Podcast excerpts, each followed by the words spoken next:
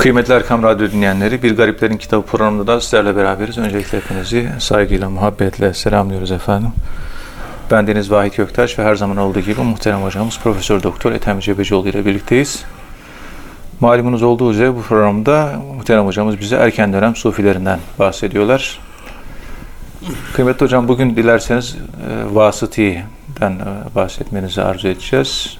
Fergana bölgesi sufilerinden, ilk dönem sufilerinden vefatı Hicri 320, miladi 932 olarak belirtiliyor. Horasan'ın Fergana bölgesinden ve İbnül Fergani olarak da bilinen bir sufi e, pek çok bölgeyi ziyaret etmiş, Merve yerleşmiş ve erken dönem e, klasik eserlerde bundan bahsediliyor. Fethün Nattar'da bahsediliyor ve Süleyman'ın tabakatında da bahsediliyor. Dilerseniz bugün Vasiti kimdir? Ve bazı işte e, hikmet sözlerinden bahsedebilir misiniz? Buyurun Sayın Hocam. Euzu billahi mineşşeytanirracim. Bismillahirrahmanirrahim. Elhamdülillahi rabbil alamin. Ve salatu ve selamu ala Resulina Muhammedin ve ala alihi ve sahbihi ecma'in ve bihi nesta'in. Muhterem dinleyenlerim hepinizi sevgiyle, saygıyla selamlıyorum. Sizlere hayır dualar ediyorum. Allah önce beni ıslah etsin. Ondan sonra varsa sizin eksiğiniz sizi ıslah etsin. Ama benim gözümde sizin herhangi bir eksiğiniz yok. Bu duamı özellikle kendimin merkezli olmak üzere Allahü Teala'nın kabul etmesini dua olarak ref ve arz ederim. Evet Ebu Bekir Vasiti Fergana bölgesi o bölgede yetişmiş vasıt yani oralar e, böyle ulemanın hadisçilerin, fıkıhçıların efendime söyleyeyim kelamcıların bayağı yetiştiği önemli bir ilim merkezi Fergana Vadisi. Burayı ben gözümle gördüm. Oş şehrine gitmiştik. Oradaki İlahiyat Fakültesi ve bazı ziyaretler vardı. İmam Serahsi Hazretlerinin mezarını ziyarete gittik. Orada Fergana Vadisi ve o akan büyük nehir. Ve çok büyük bir nehir yatağı. Opal taşı çıkıyor, akik taşı çıkıyor.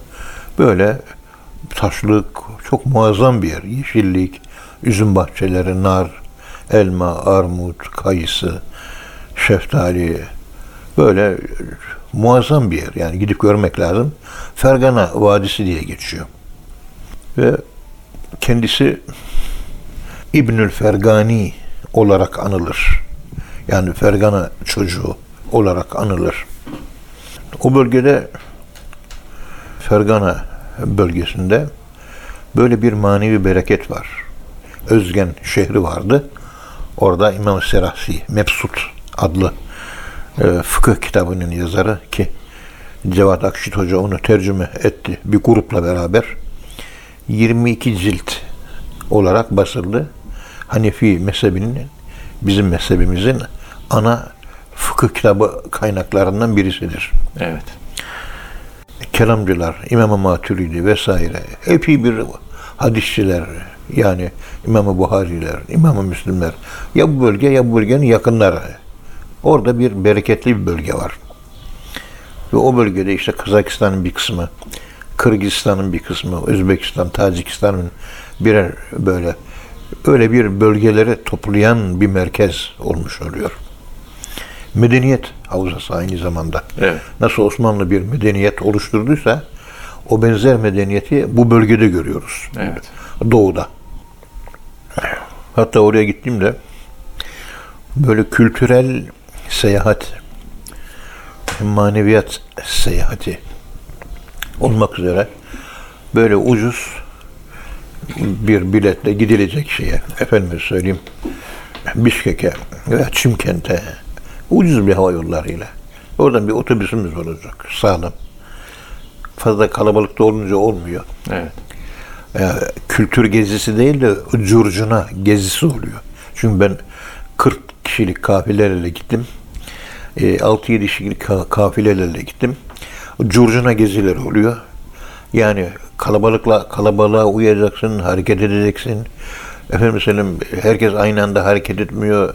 Kadınlar hazırlanması, toparlanması bir dert oluyor. Yani aileyle falan gidiyorsunuz. Pek tadı olmuyor. Şöyle talebelerden 15 kişi. 20 kişi de değil bak. 15 kişi. Bir otobüs gibi bir şey. Büyük. Öylesine ki herkes bir koltuğa oturacak. Bir koltuğa iki kişi de oturmayacak. Rahat olacak. Rahat. Onunla bütün o bölgeyi Tacikistan'ı, Kazakistan'ı, Fergana Vadisi'ni, Oşu, efendim söyleyeyim Tacikistan'ı, Özbekistan'ı artık o bölgelerde nereleri varsa tek tek o Hive'ye gitmeli, Taşkent'e gitmeli, efendime söyleyeyim Buhara'ya gitmeli, Semerkant'a gitmeli ya. Ve bu bölgede bizim e, enlem dairesi olarak Ankara ve özellikle Semerkant Kızılcahamam'la aynı paralel dairesinde.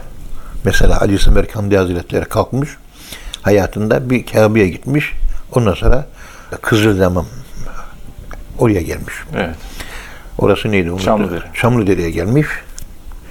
Şimdi Çamlıdere ile Semerkant aynı enlem dairesi üzerinde. Evet.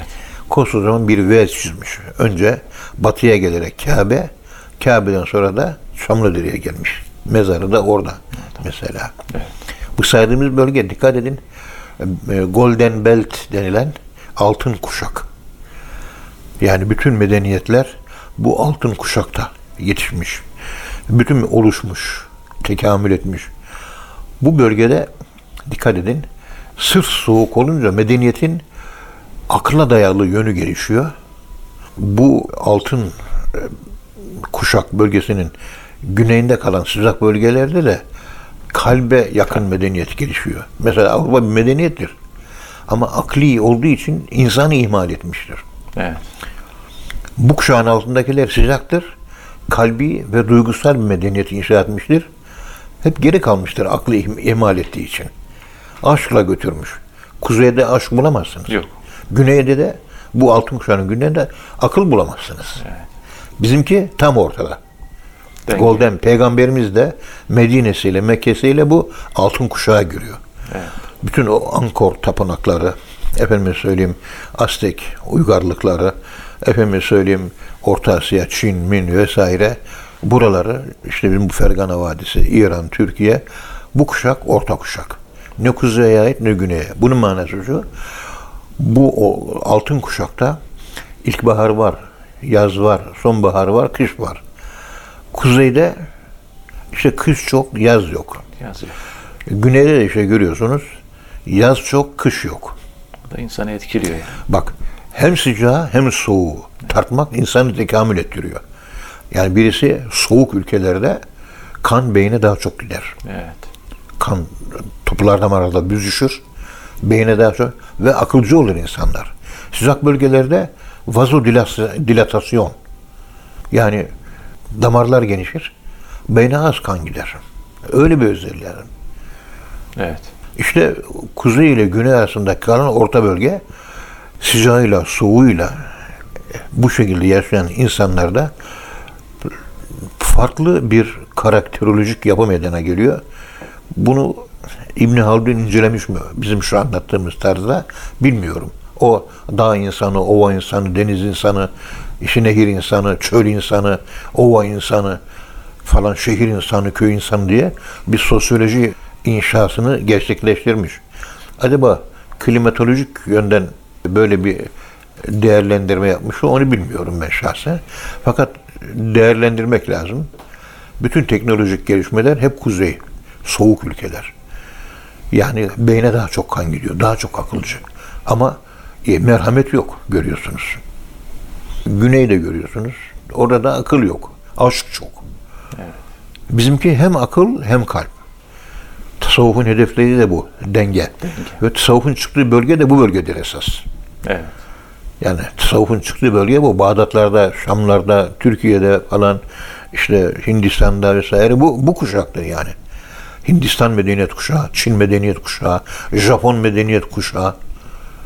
Bu açıdan bu girişi şundan dolayı yapmak istedim.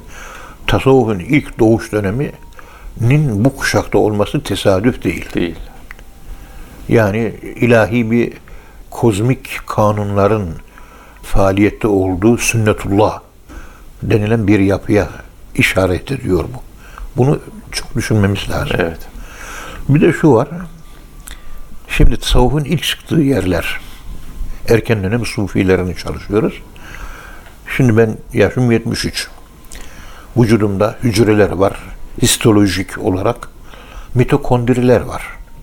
Gerçi her kondri mito değil ama bu güç üreten bir şey. Bir makine gibi bir şey. Bütün hücrelerimizin içinde var. Beyin hücreleri, kas hücreleri, karaciğer her yerde var bu. Hepimizde var. Evet. Şimdi yeni doğmuş bir çocukta bu hücrelerin çalışması ve 73 yaşında bu fakirin mitokondri hücrelerinin enerji üreten hücrelerin çalışması. Şu anda bir iş yapıyorum. Bir saatlik, iki saatlik. Şimdi burada iki saat konuşacağız ya. İki saat benim kesinlikle yatarak murakabe yapmam lazım. Ya oturarak hiç kımıldamadan veya da hiç kımıldamadan yatarak ama uyumadan. Akşemseddin'in yaptığı gibi yatarak murakabe. Uyumak yok. O zaman dinlenebiliyorum. Ama gençken öyle değildim. 6-7 tane konuşma yapardım bir günde. Yorulmak bilmezdim. Şimdi mitokondri çalışıyor. Yani erken çağlarda çocuk iken biz hayata yeni açılmışız. Bütün enerji sistemlerimiz tam çalışıyor. Evet. Bu erken dönem sufilerin yaşadığı tasavvufu daha sonraki sufiler yaşayamamıştır. Bu bir vakadır. Vaka. Bu inkar olunamaz bir gerçektir. Çıkmıştır tekfik münferit. Ama bakıyorsunuz bu erken dönem yani Hicri 100, 150 yıllarında işte başlayan o ilk e, tasavvufi hareket Ebu Haşim el-Kufi'nin adının geçtiği o ilk dönem İmam-ı Azam'ın adının geçtiği ilk dönem sufilerine bakıyorsunuz. İmam-ı Gazali'ye kadar olan o dönem yani 800-1100 arası 300 senesi. 300 yıl. Bütün sufilerin hepsi süper. Yani söyleyecek hiçbir şey yok. İbadet, ibadet, tevhid, tevhid, hizmet, hizmet, ilim, ilim, Evet. ahlak, ahlak, terbiye, terbiye, edep, edep. Aklına ne gelirsen hepsi var. O ilk çıktığı zamanki taze çocukluk dönemi yani biyo mitokondri değil de yani Yes. kültür mitokondrileri En saf dönemi. ee, Evet, evet. en saf döneminde en temiz, en güçlü enerjiye sahip olduğu dönem bu. İşte Ebu Bekir Vasiti tasavvufun yeni dünyaya gelmiş saf hali. Evet. Biliyorsunuz hacılarımız haccını yaptı geldi. Allah kabul etsin. Amin. Peygamberimiz hakiki haccı yapan, ihlasla haccı yapan, samimiyetle yapan, böyle gözyaşıyla, dualarla, kimseyi kırmadan dökmeden, onun adabına, erkanına, kurallarına inceden ince riayet eden, aşkla yapılmış mebrur bir hac. Böyle bir hac. Bunun sevabı Peygamberimiz yevmin veledethu ummuhu annesinin karnından doğduğu gün gibi taptaze olur diyor. Vücut hücreleri de tazeleniyor. Ben bunu biliyorum. Çok umre yapanın ömrü uzun oluyor. Evet. Aslında ruh tazeleniyor. Ama ruhun tazeliği bedene de yansıyor. Onun için sine de benim şahsi kanaatime göre ben zengin olsam iki ayda bir giderim. Ora motorları rektifiye yerim. Beden de demek Şöyle bir-. To- e, toplumu yaşıyoruz. Orada Allah'la ben onu ya güçlü bir şekilde yaşıyorum. Toplumda toplum sosyolojik hareketlilik içerisinde, mobilite içerisinde o güçlü yaşayış olmuyor. Dünyevileşiyoruz. Hatta peygamberimiz bile şikayetçi.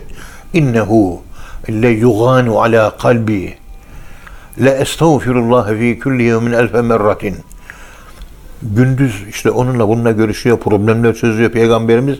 Kalbimin üzerine gölge düşer diyor. Evet. Bulut gelir. Biraz yani grileşir. Dünyevileşir, sekülerleşir. Onun giderilmesi için günde yüz defa estağfurullah çekerim diyor. Aynı bunun gibi. İstiğfar. İşte senede en az ben zengin olsam iki ayda bir defa umreye imkan varsa her sene de hacca mutlaka ve mutlaka giderim. Buna gücün yetmiyor. Yapabileceğimiz bizim gibi memurlar iki ayda bir kurban kesmek. Evet. Veya imkanı varsa her Arabi ayının birinci günü kurban kesmek. Yapılacak iş bu. Evet.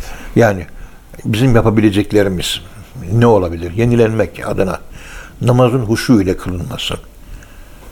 O da aynı. Ama o Kabe'de ki e, tazelenme ve yenilenme bizim bilmediğimiz çok farklı bir yenilenme. Benim şahsi kanaatime göre e, Kabe'ye gidip geliyoruz, umre yapıyoruz, hacca gidiyoruz. Orada biz altı tane yolculuk yapıyoruz aslında. Yani en başta Kabe'nin Allah'ına bizzat önce Kabe'nin Allah'ı işte sahibi beyt Allah ona yolcu ve duyufur Rahman duyufullah değiliz. Duyufur Rahmanız. Rahman'ın misafirleriyiz. Dikkat edin. Duyufullah ayrı bir kavram. Duyufur Rahman ayrı bir kavram. Ben burada namazı kılıyorum. Kendimden geçiyorum. Ürperiyorum. Gözyaşlarım geliyor. Ağlıyorum. Ben duyufullahım. Bizzat Allah'tayım ben. Ama Kabe'de Allah'ın evindeyim. Ha, Allah'ta olmak ile Kabe'de olmak. Kabe'de olmak duyufur Rahman olduğu için Allah ismine bitişik Er-Rahman esmasının özellikleri bizde güçlenir ve çok umreye giden insanların merhametli olduğunu gözlerimle müşahede ettim. Evet. Umre'ye, hacca sık giden insanlar hem cömert oluyor hem de merhametli oluyor. Çünkü duyufu Er-Rahman, duyuf Er-Rahman, duyufur Rahman. Biz şu anda duyufullah, yani namazda kendimizden geçiyoruz. O farklı bir olay. Zati bir tecelli, Er-Rahman tecellisi. Allah'ın ilk açılımı unutmayın. Ketebe Rabbukum ala nefsihi rahme. Ayet-i kerimesine Allah'ın ilk açılımı ya bilinmiyor. Mutlak, gayip yani absolü, unknown, absolü veya da absolü unknown. Mutlak bilinmeyen Allah. İlk açıldığı an merhametle açılır. Rahman. Merhametliyseniz Allah'a bitiş yani bitişilmez Allah'a. Ama Allah'la transandantal veyahut da aşkın müteal bir üst manevi alanda irtibat halindesiniz. Hiçbir kul Allah olamaz. Ama kuvvetli irtibat olabilir. O da Er-Rahman ismi. Hakkıyla gerçekleştirebilirseniz Ateyna rahmeten min inna ve allemnahu min ledunna rahmetin hakikatine eren kimseye kaderin bilgisi verilir. O durumda olanlara ölmeden önce ölmüş denilir. Ölenlere kader sırrı açılır. Kader sırrı Hızır Aleyhisselam'a açılmıştı. Evet. Ne kadar merhametin var, ilmin ödün sende o kadar var. O da şu demek. İşte önünde ekmek var, senin karnın aç. Karşıdaki arkadaş da aç, ekmeği yok. Önündeki sen aç olduğuna öyle kâne bihim hasasa İhtiyacı olsa ihtiyacın olsa bile kardeş ben açım sen de açsın ama ben bu fedakarlığı yapıyorum. Şu ekmeğimi al sen ye deyip o yiyecek sen bakacaksın zırıl zırıl aç kalacaksın. Buradan başlıyor. Biz tırnağımızın şeyini bile vermiyoruz. Kıymığını bile vermiyoruz biz. Onun için ilmi ledun açık değil. Gördüğümüz rüyalar sahih değil. Evet. Merhamet yok. İşin içinden neler çıkıyor? Hani konuşmaya bir daldık. Evet. Neler çıkıyor, neler çıkıyor. Şu rüyaların az önce ifade ettiğim rüya ilmi ledünün bir kısmıdır. Hiçbiri de sahih çıkmıyor. Yok.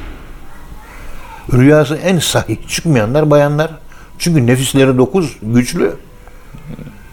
Evliya olunca ricallikte erkekleri geçiyorlar. Erkekten daha üstün. Nefis dokuz olduğu için bizde bir tane nefis var. Nefis bir olduğu için şeytan fazla giremiyor bizim rüyalara. Erkeklerin rüyaları, kadınların rüyalarına göre daha sahih diyor Allah dostları. Ehli irfan böyle söylüyor. Bundan dolayı peygamberler vahiy alıyor.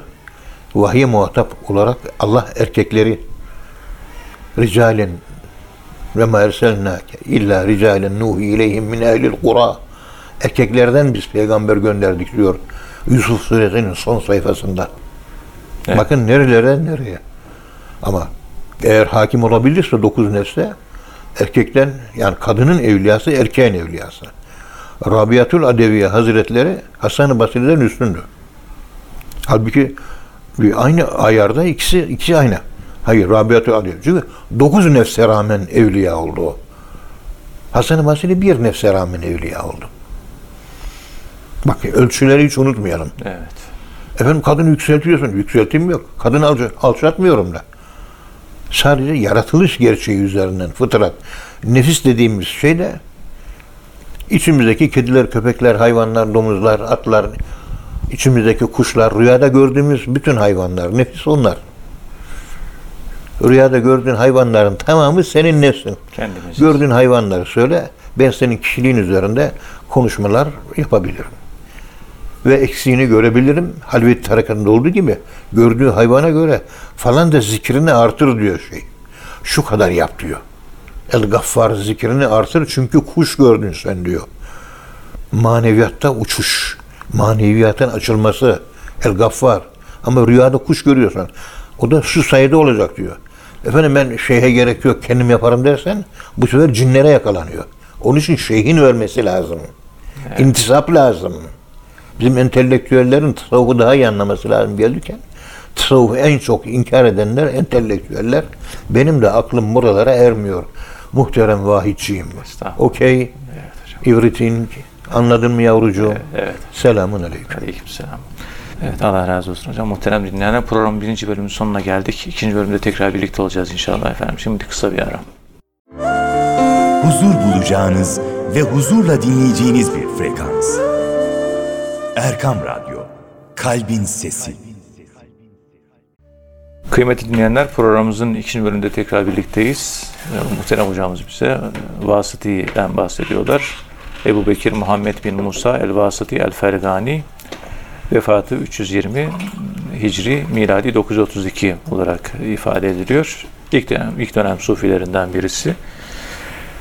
Kıymetli hocam Cüneyd-i Bağdadi Hazretleri Ebu Hüseyin en-Nuri'nin sohbetlerinde de bulunan Vasıti Melamiliğin merkezi Nişabur'a gittiğinde bu hareketin önde gelen isimlerinden Ebu Osman el-Hiri'nin de müritleriyle görüşmüş. Onlardan da istifade etmiş. Bazı tasavvufi meselelerde ortak fikirler taşıdı. Hakim Tirmizi gibi o da melametilerin özellikle nefis hakkındaki görüşlerini eleştirmiş. Ve tasavvufta usul konusuyla da alakalı fikirlerinden bahsediliyor. E, Vasıti. Dilerseniz kaldığımız yerden devam edebiliriz muhterem hocam. Buyurun sayın hocam. Bismillahirrahmanirrahim. Elhamdülillahi Rabbil alemin. Ve salatu ve selamu ala Resulina Muhammedin ve ala alihi ve sahbihi ecma'in. Evet, muhterem dinleyenlerim. Ebu Bekir Vasıti Hazretleri ölüm tarihi e, hicri olarak 320. Miladi olarak da e, İmam-ı Gazali'den önce yaşamış ve ölmüş 932. Tam memleketi Fergana, Horasan'da Merve yerleşmiş. Horasan'ın önemli şehirlerinden. Ve Merv'de de vefat etmiş. Sülemi Tabakat Tabakat Sufiye sayfa 302. Ancak Feridüddin Hattar Hazretleri onun gittiği, ziyaret ettiği şehirlerden sürekli uzaklaştırıldığını söyler. Ama niye? Bunun hakkında bilgi verilmez. Klasik kaynaklarda geçmemekle birlikte Liu Massignon La Passion del Hallac adlı iki ciltlik eserin ikinci ciltinin 238. sayfasında yani Hallac'ın tutkusu Fransızca La Passion del Hallac tutku Hallacı Mansur'un tutkusu aşkı artık ne derseniz Hallacı Mansur'un talebelerindendi. Onun sohbetlerine devam etti. Hallacı Mansur Hazretleri'nin böyle e, 300-400 kişilik bir grup mesela bir şehirden kalkıyor bir şehre gidiyor. Hep beraber hacca gidiyorlar. Hep toplu halde. Hem hadis okuyorlar, hem hikmet dersi yapılıyor, hem sohbet yapılıyor, hem hacca gidiliyor, hem ilim öğreniliyor, hem irfan öğreniliyor.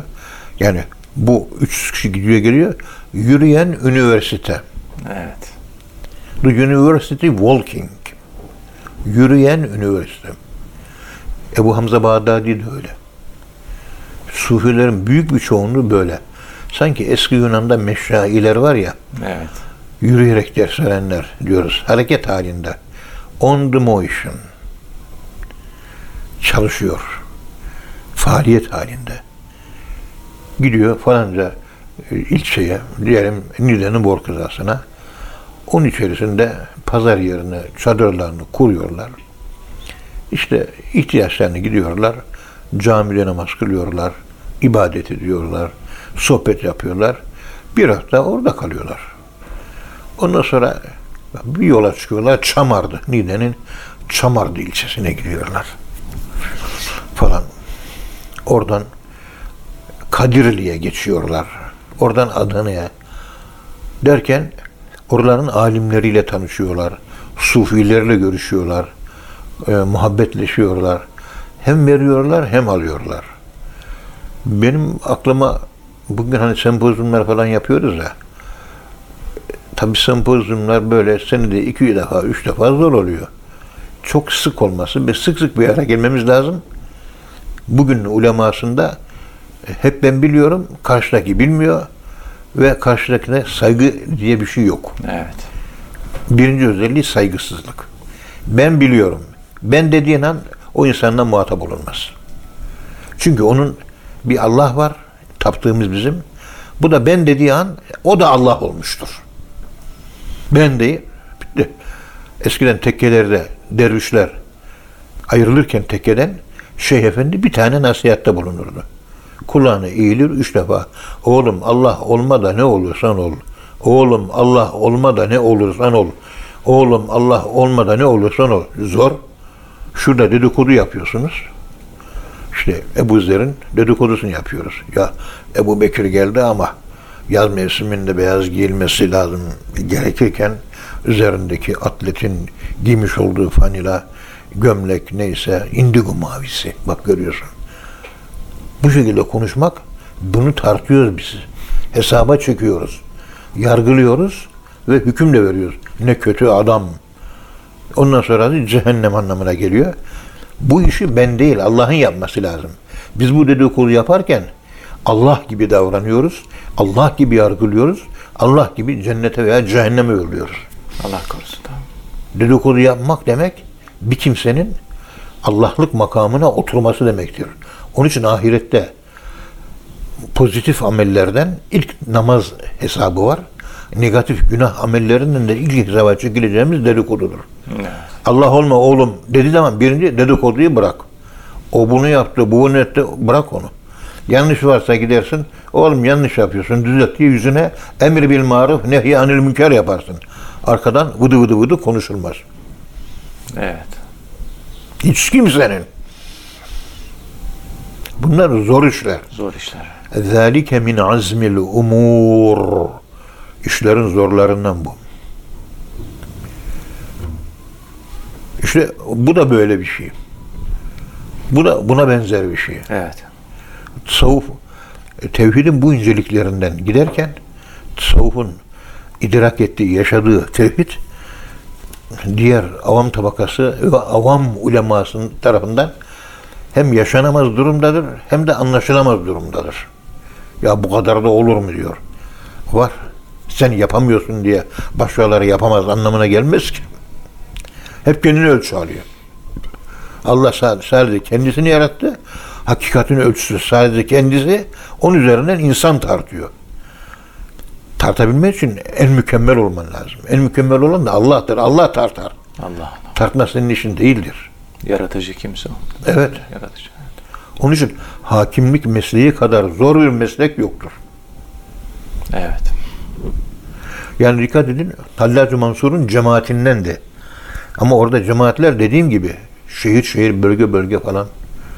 Bağdat'ta Şenuziye Sufiler mescidi vardı. Şenuziye e, mescidi.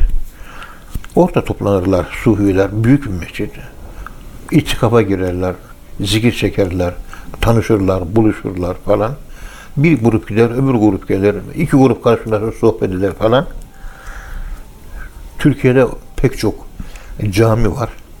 Şenuziye Mescidi diye teberrükün bir mescit olduğunu görmedim, duymadım ben.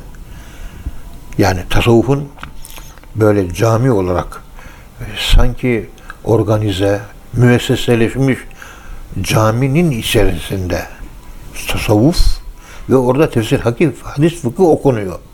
Bir yandan da açlık, efendim söyleyeyim, susuzluk, oruç, riyazet, az konuşma, çok tefekkür, ibadet, gözyaşı, ilim var, namaz, dua vesaire hepsi bir arada.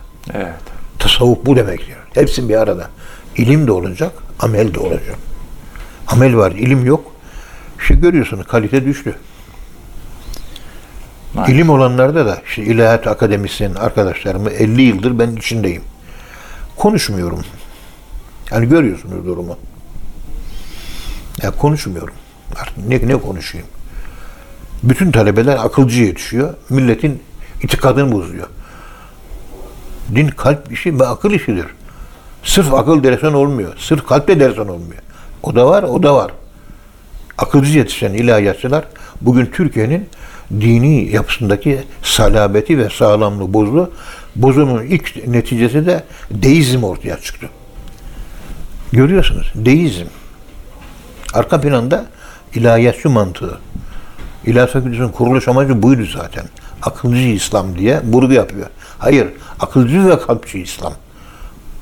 İlk İlahiyat Fakültesi Ankara İlahiyat Fakültesi açılışında işte ilmi falan filan ve anlatıyor. Pozitivistik, pozitivistik bir anlatımla anlatıyor. Auguste Comte'cu bir anlatımla ilahiyatın gayesi anlatılıyor.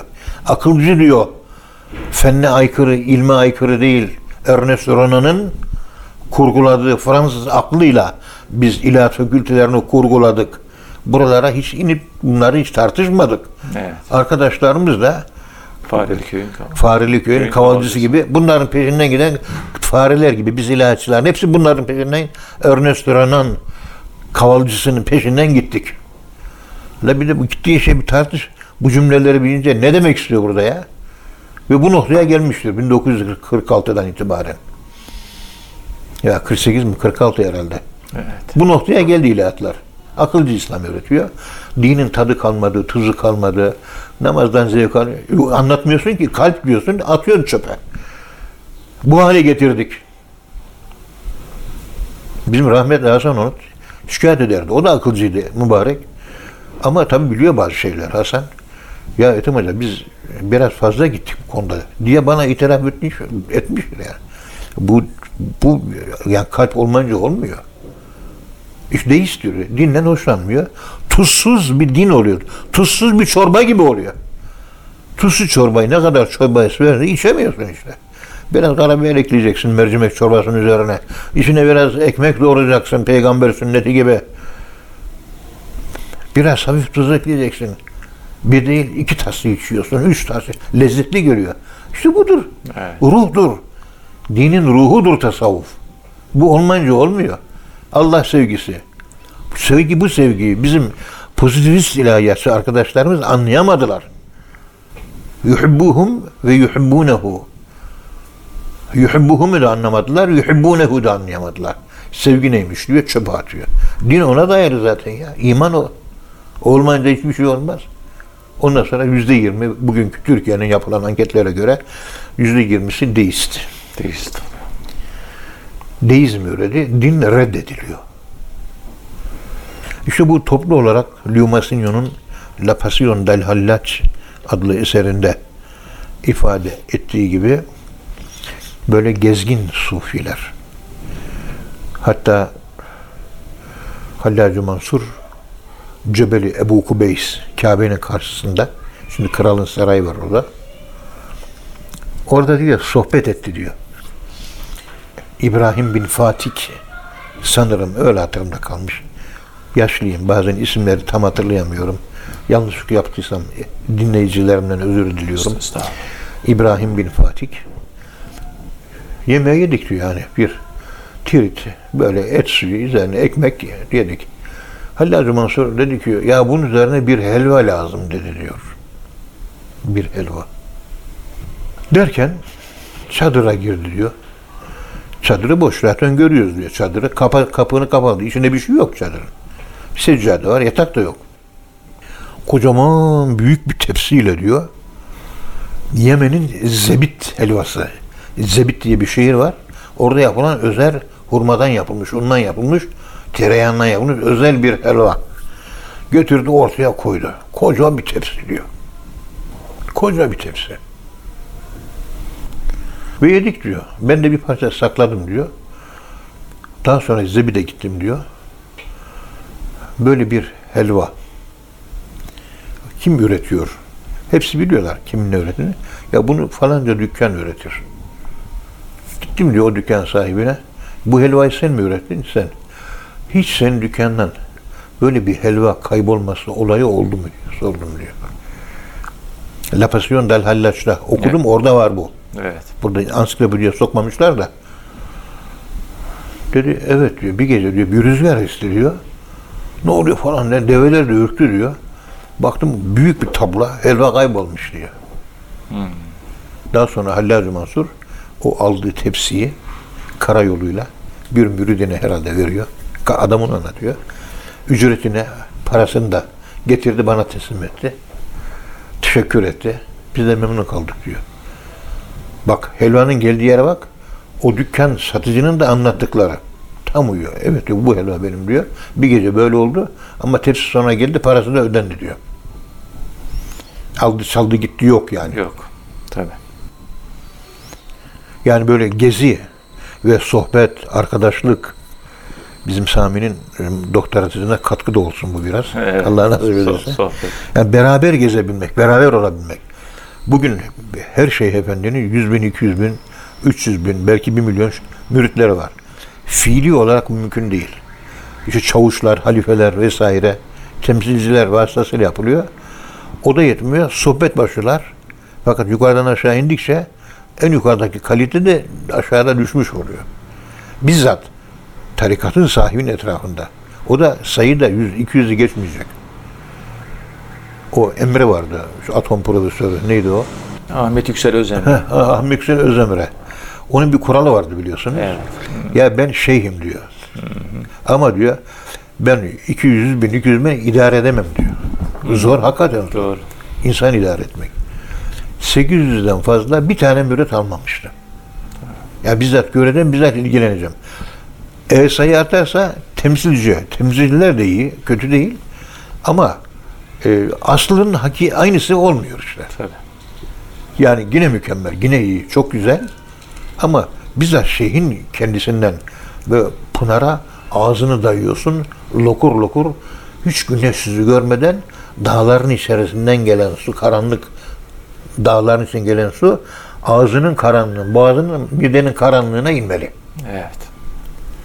Saf su. Tertemiz. Şu bunu biz namazda işte arkadaşlara onu söylüyorum. Secdeyi artırın secdeyi. Psikolojik problemlerin çoğu gider.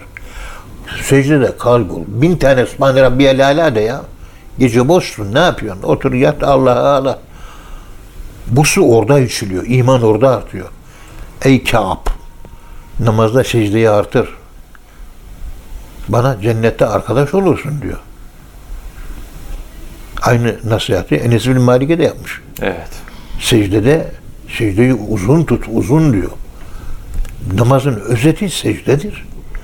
Ve Hazreti Ezrail ile alakalıdır. Ayakta duruş, Kur'an okuma Cebrail'le secde ölümdür. Ölümdür. Ev namazın özelliği ayakta durmak ve secdeye. Bütün dinlerde namaz var. Ayakta durmak ve secde şeklinde. Ayakta ve secde. Rükû ve oturma bizde var. Hz. Muhammed ümmetinde var. Okuyun ibadet tarihini. Bugünkü Budizmi, Yahudiliği inceleyin. Ayakta durma ve yatma. O kadar. Cebrail, Ezrail. Biri ruh veriyor, öbür ruh alıyor. Anne karnında ruhu üfleyen Cebrail. Üflüyor, ruh oradan. Ölürken de o ruhu Ezrail alıyor. Ezrail secde. Yani Allah'a kavuşma. Allah'a en yakın olduğumuz yer. Ve süt vakterip sırrı. Evet. Kulun Allah'a en yakın olduğu yer secde halidir. Özet olarak bak şeyhin etrafında, Hallacı Mansur'un etrafında ondan süt emiyor. Hikmet emiyor. Ondan direkt, mübaşeraten doğrudan doğruya besleniyor. Evet. Yani